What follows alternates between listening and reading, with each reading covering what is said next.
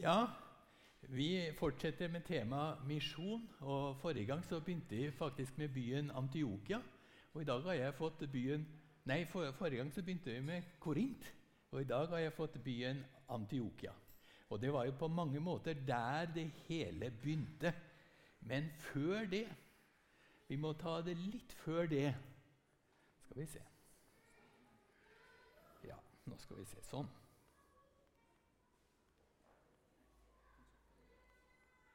Der. Før det så var det Jesus på sin siste dag på jorden. Så samlet han disiplene på et høyt fjell, og så sa han, 'Jeg har fått all makt i himmelen og på jorden.' 'Gå derfor og gjør alle folkeslag til disipler.' 'Døp dem til Faderens og Sønnens og Den hellige ånds navn,' 'og lær dem å holde alt det jeg har befalt dere.' 'Og se, jeg er med dere alle dager inntil verdens ende. Det var jo en, hva skal vi si, en grensesprengende befaling og en, et oppdrag. Det var jo geografisk helt utrolig på den tiden. Til alle folkeslag.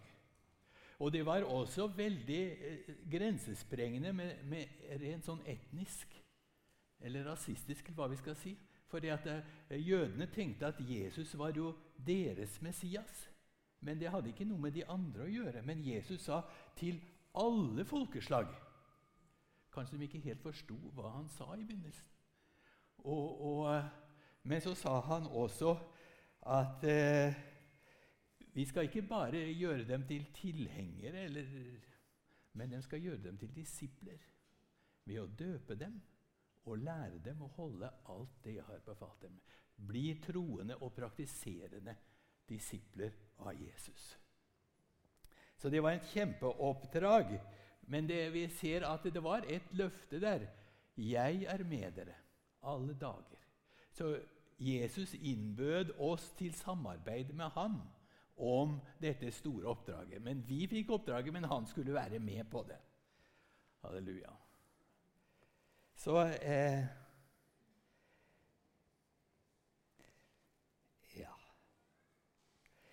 så disiplene først det, det, her fikk, det tok av når Den hellige ånd kom. Ikke sant? På pinsedag, noen få ti dager vel etter det her, så kom Den hellige ånd. Og Disiplene ble fylt av Den hellige ånd, og det ble fylt av begeistring. Og de fortalte og snakket om Jesus overalt. Første dagen var 3000 frelst. Og etter noen få dager virker det som, i apostelens gjerning så var det 5000 troende. Og, og det var eh, Dem fryda seg over Den hellige ånd, over vekkelsen, over fellesskapet og, og det som Gud gjorde. Men de kanskje hadde mista litt det der med alle folkeslag og verdens ende. Og så ser det ut som kanskje Gud måtte utfordre dem litt. Og det som skjedde, det var samme dag, står det, som, eh, som eh, Stefanus ble steina. Samme dag brøt det ut en kraftig forfølgelse mot menigheten i Jerusalem. Alle, unntatt apostlene, ble spredt ut omkring i Juda, Dea og Samaria. Noen fromme menn begravde Stefanus og holdt dødsklage over ham. Men Saulus for hardt fram mot menigheten. Han trengte seg inn i hjemmene og slepte ut både menn og kvinner og fikk dem kastet i fengsel. Det var tøffe tider eh, for de kristne. Men det som er veldig interessant, synes jeg, det er å se den reaksjonen hos dem som ble spredt. For, for eh, da kunne jo jeg ha tenkt, og jeg hadde kanskje tenkt Ja, nå skal jeg legge meg litt lavt i terrenget her og ikke gjøre så mye. For, for eh, nå skal ikke vi ha det i, også i, i, Samaria og Antiokia. Men det tenkte de ikke. De som nå var spredt omkring, dro rundt og forkynte ordet. Og Philip kom ned til hovedstaden i Samaria og forkynte Kristus. Halleluja. Så det, det, de, de hadde denne brannen av Den hellige ånd i sitt hjerte. Og de kunne bare ikke la være å snakke om det de hadde opplevd. De kunne ikke la være å fortelle om Jesus, selv om det kosta, og selv om det var vanskelig. Ja. Så var det da en del som kom helt opp til Antiokia. Nei.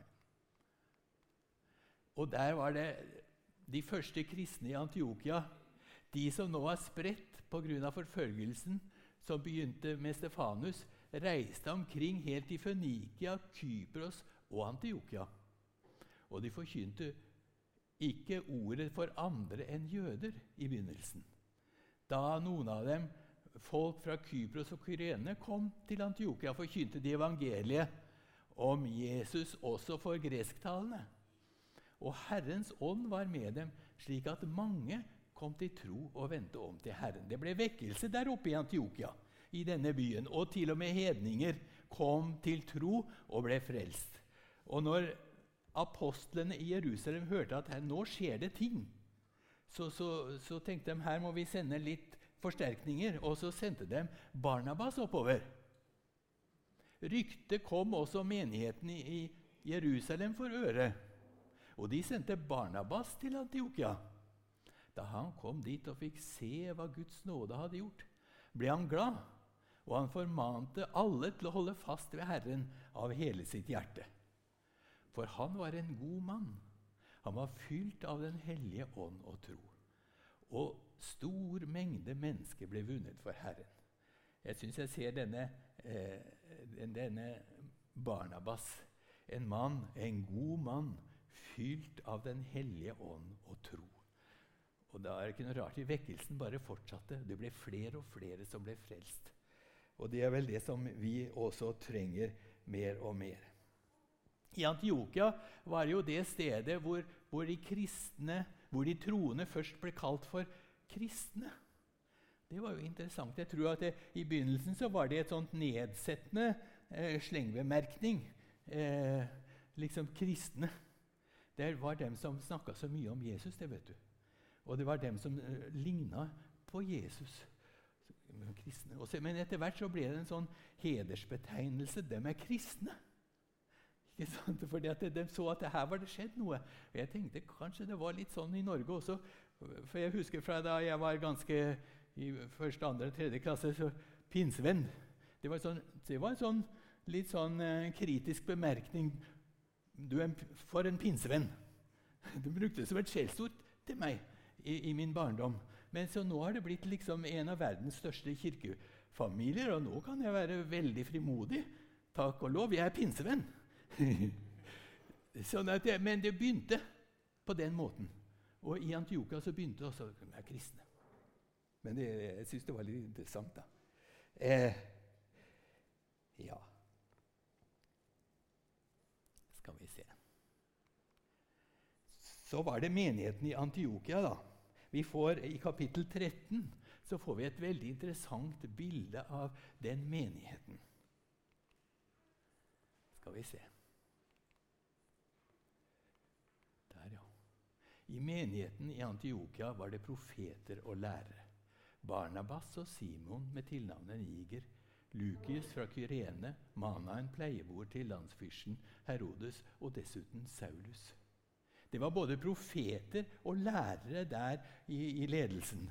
Altså Profeter det er de som er åndsfylt, og som forkynner med inspirasjon og, og pågangsmot. tenker jeg. Og så har du lærere, de som underviser grundig i Guds ord. Og det var forskjellige folk som var med der. Og Det er også veldig interessant å se at det er eh, litt ulike etniske og sosiale grupper som var med i menigheten. F.eks. Ja, Barnabas og Saulus det var jo jøder. Men så var det en med tilnavnet Niger. Han var antagelig fra Nord-Afrika. Eh, og så var det Mannaen, pleiebor til landsfyrsten Herodes. Tenk på landsfyrsten Herodes. Det var jo han som eh, som halshogde Johannes, og som sendte Jesus videre til Pilatus. Men nå er det pleieboeren, pleiebroren. Han var faktisk en annen mening og hadde nå blitt en etterfølger etter Jesus. Så vi ser Det var en interessant sammensetning i, i menigheten der. Og så får vi et, et fint bilde av et lite gløtt inn i menigheten. En gang mens de feiret gudstjeneste for Herren og fastet, sa Den hellige ånd, ta ut Barnabas og Saulus for meg, så de kan gå til den oppgaven jeg har kalt dem til. Etter faste og bønn la de hendene på dem og lot dem reise. Jeg bare ser for meg den der menigheten. De hadde faste, de feiret gudstjeneste. Og det var liksom en menighet preget av bønn og av Den hellige ånd. Og så, og så plutselig så sa Den hellige ånd Det har jeg lurt litt på. Hvordan var det han sa det? Det står det ikke, vet du. Så det vet vi ikke. Kanskje det var eh, et profetisk budskap, eller det var tungetale og tydning. Det vet vi ikke, men i hvert fall sa Den hellige ånd. Ta ut for meg Barnabas og Saulus, så de kan gå til den oppgaven jeg har kalt dem til. Halleluja. Og Det interessante her er også at Gud først hadde Gud talt til Paulus og, og Barnabas og lagt det ned i hjertet at de skal gjøre noe spesielt. At de har et kall. Men så talte Gud i menigheten og sa dere, dere skal være med på dette. Dere skal være med og be for dem, sende dem ut og ta dem imot igjen. Så menigheten ble involvert, og det, det, ser jeg at det er et utrolig viktig og interessant eh, eh, punkt her.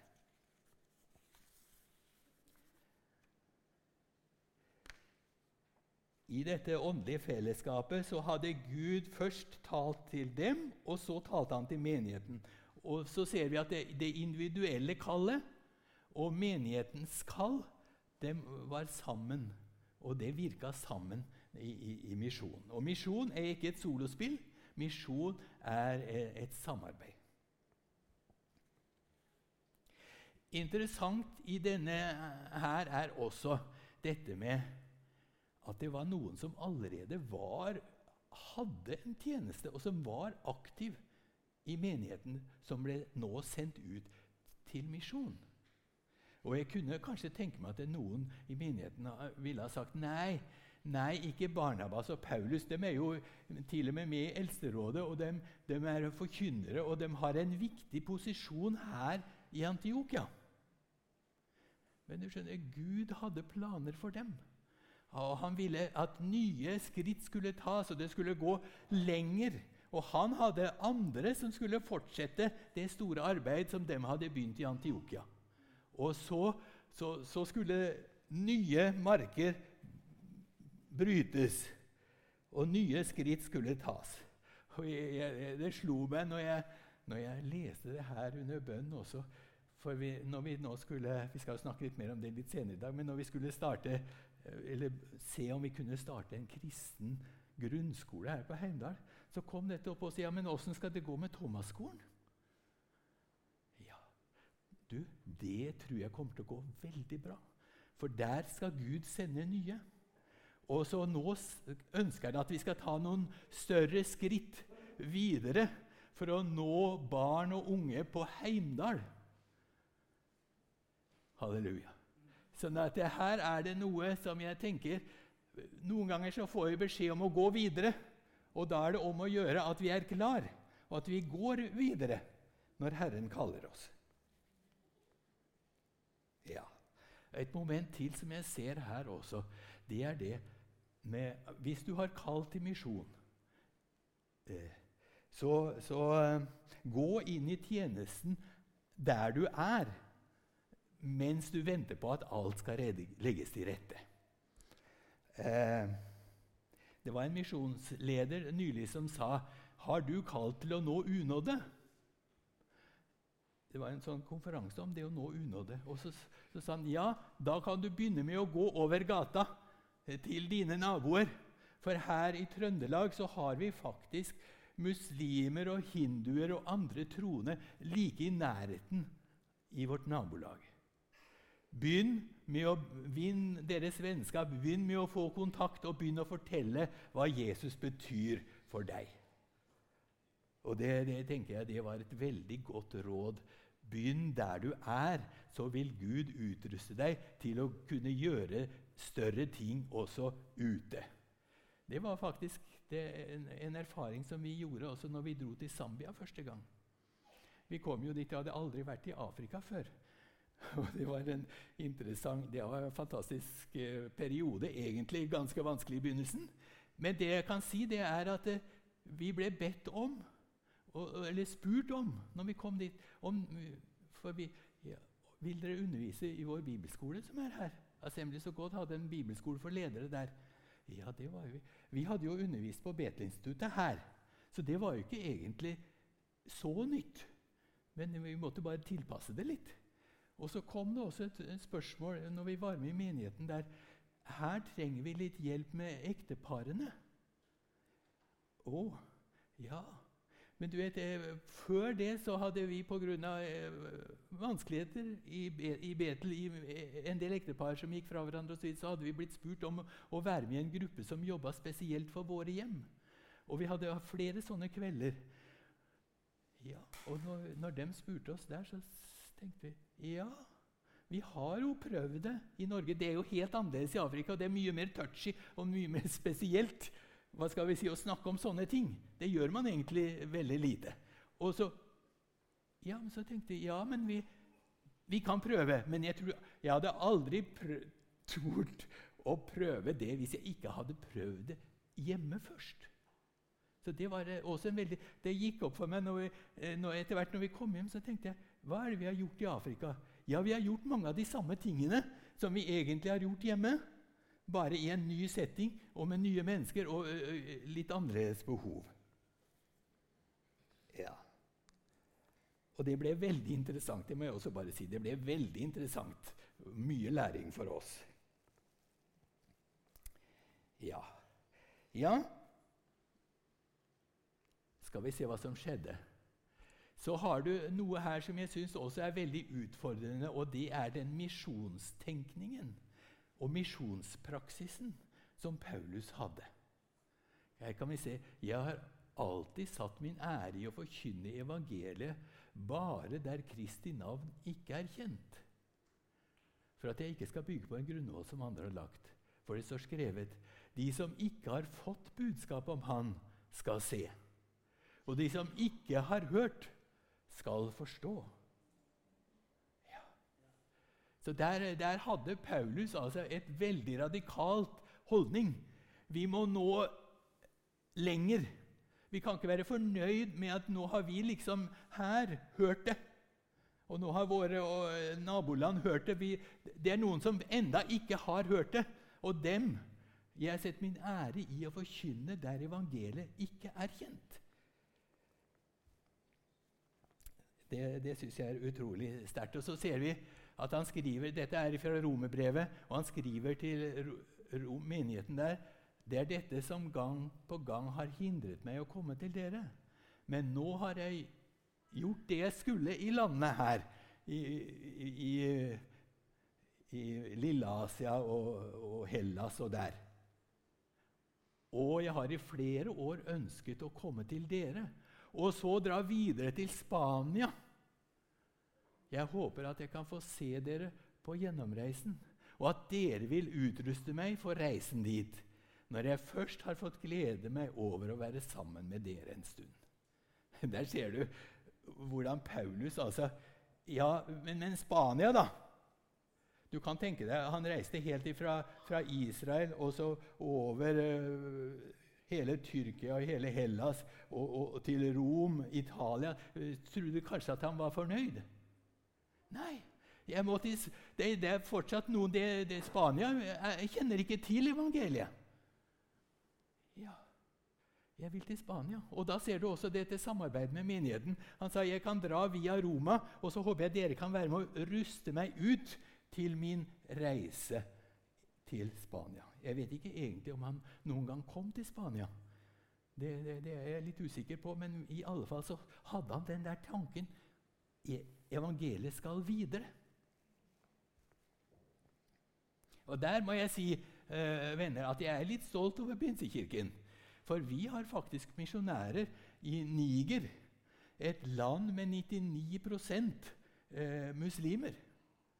Altså um, Familien Djuve, ikke sant? Annelise og Rasmus er der, og de har vært der i flere år. og Det er ikke enkelt, og det er veldig tøft. Men de står på. Og det kan vi være stolte av. og Dem skal vi bare huske på å be mye for. Og, og jo også, vi, vi, støtter jo også Ibra Media. Og de sender jo eh, radio og TV og Internett nå til hele Nord-Afrika og Midtøsten. Og, og vi er med. Og så, og så når, når, jernteppet falt eh, og Russland begynte å bli åpent, så var det altså ungdommer fra Finnmark som dro over til Nikkel og begynte å, å, å, fortelle om Jesus. Og du vet, den Nikkel, den byen der, den var kommet i løpet av kommunisttiden. Det, ikke, det fantes ikke en eneste kirke der. Ikke engang en ortodoks kirke fantes der. Men så kom disse ungdommene, eh, bl.a. et par unge jenter, og, og noen eh, representanter fra eh, pinsemenigheten der i, Karasjok, tror jeg det var, som kom over og begynte å forkynne. Og der ble det en menighet, og kanskje flere menigheter, som ble etablert gjennom det. Og, og sånn, sånn, gjør Gud. Når, når, nye muligheter er der, så bare kaller han noen til å gå videre.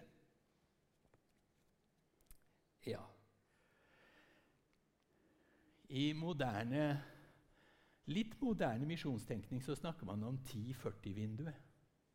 Og det er det, det der området når du ser innenfor firkanten der, hvor, eh, hvor, evangeliet er minst utbredt. Altså Evangeliet har jo gått sin seiersgang i mange land og verdensdeler. Mens du ser Nord-Afrika, og så ser du Saudi-Arabia og Midtøsten, og så ser du det gule der med India, og det blå der med Kina. Der har du altså et belte av mer unådde folkeslag. Uh, og, og, der er det store behov. Det er jo mye som skjer f.eks. i Kina. Det har vært store vekkelser enkelte områder i Kina. Men altså, det er over en milliard mennesker. Så der er det kjempebehov. Og... Uh, men der er det også veldig mye motstand. Og kristne blir fengsla, og kristne får, får mye motgang. Og, og, da lurte jeg eh, Ville jeg vært villig til å dra dit? Eller ville jeg vært villig til at noen av mine barn eller barnebarn hadde reist til et vanskelig felt? Et vanskelig felt. For det, de, de, første misjonærene som dro ut, de dro ikke til veldig familiære og enkle forhold. Og noen av dem døde av malaria og andre ting bare i løpet av de, de første årene. Men, men, så sendte menighetene Jeg hørte om menigheter eh, nede på Sørlandet. De hadde sendt ungdommer dit som døde. Så sendte de nye ungdommer som fortsatte arbeidet. Dette er ikke skulle si en søndagsskole. Dette er, en, eh, dette er ikke noe for dem som vil ha noe behagelig eller noe enkelt, men det er for noen som må de unådde.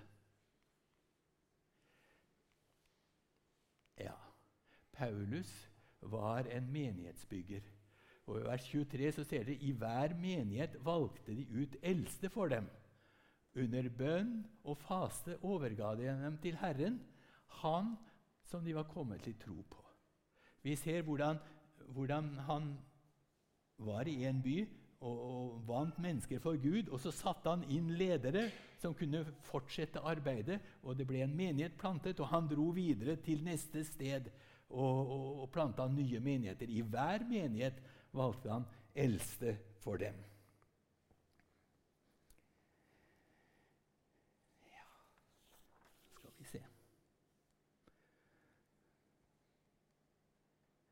Ja, Så er det et annet vindu før jeg avslutter. 10-40-vindu syns jeg er veldig viktig, og det må vi ha på, bøn, må vi ha på bønnelista vår, venner. Noe må skje der. Vi, vi, må noen, vi, må sende noen som går til de nye områdene. Men eh, så har du dette 4-14-vinduet. Jeg vet ikke om dere har vært borti det? Er det noen som har vært borti 4-14-vinduet? Nei. Det er jo de som er mellom 4 og 14 år. 4, 14, er faktisk en tredjedel av verdens befolkning er, eh, er under 15 år. Og denne aldersgruppen er den mest åpne for å ta imot inntrykk. Barn er på jakt etter å finne ut hvem er jeg hva er bra, og hva er ikke bra? Hva skal det bli av mitt liv? Hva er meningen med livet? Barn prøver å finne ut, og de er åpne for å ta imot i løpet av disse 4 til 14 dette vinduet. Og det viser seg altså at eh, mange undersøkelser har vist at 80% av de som har blitt kristne, har blitt kristne før de blitt, før de er 18 år. Men en annen undersøkelse har også vist at ca. 3% av menighetsbudsjettene blir brukt til arbeid blant barn og unge. Så her tenker jeg at vi har, et, eh, vi har noe å gjøre. Men jeg er også veldig glad når jeg eh, snakker om dette. For jeg ser at det, i, i, vår menighet nå så, så, skjer det noe blant barn. Søndagsskolen, barnekirken det, det blir flere og flere barn som kommer. Og, og, og, du har Kids Connect, og du har Tweens, som nå bare blir Flere og flere kommer opp i disse aldersgruppene, og vi ser gode ting skje. Og vi ønsker at barna skal bli vunnet, at de skal bli kjent med Jesus, at de skal bli fylt med Den hellige ånd, at de også skal begynne å vinne sine venner for Jesus. Og dette er eh, noe som vi også kan bare legge oss på hjertet. 4.14-vinduet. Og jeg tenker at vi har gjort et bra ting når vi startet barnehage her for 14 år siden. Og nå kanskje vi får mulighet til å ta et skritt til og starte en grunnskole for området her på Heimdal. Og, da, da, og så tenker jeg på det samme med misjon. Vi må ikke tenke bare på dem som er voksen, vi må tenke på dem som, som holder på å vokse opp. Og der har jeg bare Nei. Ja. Det, det, det, det Josva dere kjenner Josua fra Bibelen. ikke sant? Han var en av de største lederne i menigheten. Han tok folket og tok dem inn i det løfteslandet. Han, han gikk gjennom, rundt Jerikos murer og opplevde at de falt. Jeg skulle ønske jeg hadde opplevd noen av de, de der tingene. Ikke sant? Han var en stor åndelig leder, men han gjorde en generaltabbe. Vet ikke om dere har tenkt på det. Så stor og åndsfylt leder. Der står det folket tjente Herren så lenge Josua levde. Og så lenge de gamle ennå var i live, de som hadde levd lenger enn Josua og hadde sett alle de storverk Herren hadde gjort for Israel. Josua, Nuns sønn, Herrens tjener, døde 110 år gammel. Han ble også ganske gammel. Snart var hele dette slektleddet forent med sine fedre. Etter dem vokste det opp et nytt slektledd som verken kjente Herren eller visste hva han hadde gjort for Israel. De verken kjente Herren. Jeg syns det var veldig tøft. Altså, Der hadde Josua tappa seg kraftig. Han hadde glemt en av de viktigste tingene. Og de, visste, En hel generasjon visste ikke noe om hva Gud hadde gjort for Israel. Han hadde snudra unna med å fortelle barna sin åndelige historie. Og da gjorde israelittene der ser vi resultatet, det som var ondt i Herrens øyne. De dyrket Baal-gudene, og de forlot Herren, sine fedres Gud, som hadde ført dem ut av Egypt. De fulgte andre guder guder fra folkene som bodde omkring, og tilba dem. Og der tenker jeg, Det kan vi også risikere hvis ikke vi tar dette skikkelig på alvor. Både her og i vårt misjonsarbeid så vil vi oppleve at det, neste generasjon tar etter det som dem, alle de andre gjør, og blir som dem, istedenfor å bli Kristus-disipler. Så det er eh, ja. Kunne sagt mye. Det her kan jeg holde en preken om en annen gang, men jeg har ikke mer tid. Så jeg skal Ja. Men når jeg tenker på Josua, så ønsker jeg ikke å være en Jeg ønsker ikke å gjøre den tabben. Og jeg ønsker ikke å se en generasjon gå tapt. Det er altfor mange kristne barn, barn fra kristne hjem som faktisk går tapt. Der, ja. Så ser vi avslutningen. Denne, denne første misjonsreisen fra Antiokia tok ca. fire år. De seilte tilbake til Antiokia, det stedet de var blitt overgitt til Guds nåde, for å fullføre den oppgaven som nå var avsluttet. Da de var tilbake her, samlet de menigheten og fortalte om alt det Gud hadde gjort gjennom dem. At han hadde åpnet troens dør for hedningene. Tenk det. Jeg tenker Det var herlig for dem å høre fra Derbe og fra Berøa og fra Tessalonika og alle disse stedene som de hadde vært. Så var troens dør åpent, og menigheter hadde vokst fram. Ja Så er det et ord fra Jesus som vi skal ta med oss til slutt. Jesus sa til disiplene.: Høsten er stor, men arbeiderne er få. De er få. Be derfor høstens herre sende ut arbeidere for å høste inn grøden hans. Og Der tenker jeg at der kan vi intensivere vår bønneaktivitet. At det nye skal sendes ut. Vi skal sendes ut til Heimdal og Trondheim. For misjon er ikke bare ute, men det er også her. Og så at vi også må bli i stand til og klar for å ha en ånd i menigheten som gjør at noen herfra kjenner 'jeg har kall'. Jeg vil, jeg vil gå ut dit hvor evangeliet enda ikke er hørt. Høsten er stor, arbeiderne er fortsatt for få. Men vi kan be. Det er en som er høstens herre, og det er Jesus. Halleluja. La oss be. Jesus. Takk, Jesus, at du har kalt oss til å gjøre alle folkeslag til disipler. Og ber deg at du skal hjelpe oss, at du skal hjelpe meg, Herre, at jeg kan se nå i det nærmeste året hvem jeg kan vinne, og hvor jeg kan gå for å nå nye mennesker for deg. Jesus velsigne oss som menighet, at vi kan være med og vinne mennesker for deg at vi kan være med og gjøre disipler ved å døpe dem og lære dem å holde alt. Jeg takker deg for barna her i menigheten. Og jeg takker deg for alle som arbeider med barn. Jeg ber for alle foreldre. Jesus, at det hjelper oss at vi ikke gjør tabben med Josua. At vi glemmer å dele vårt åndelige liv med barna. Amen.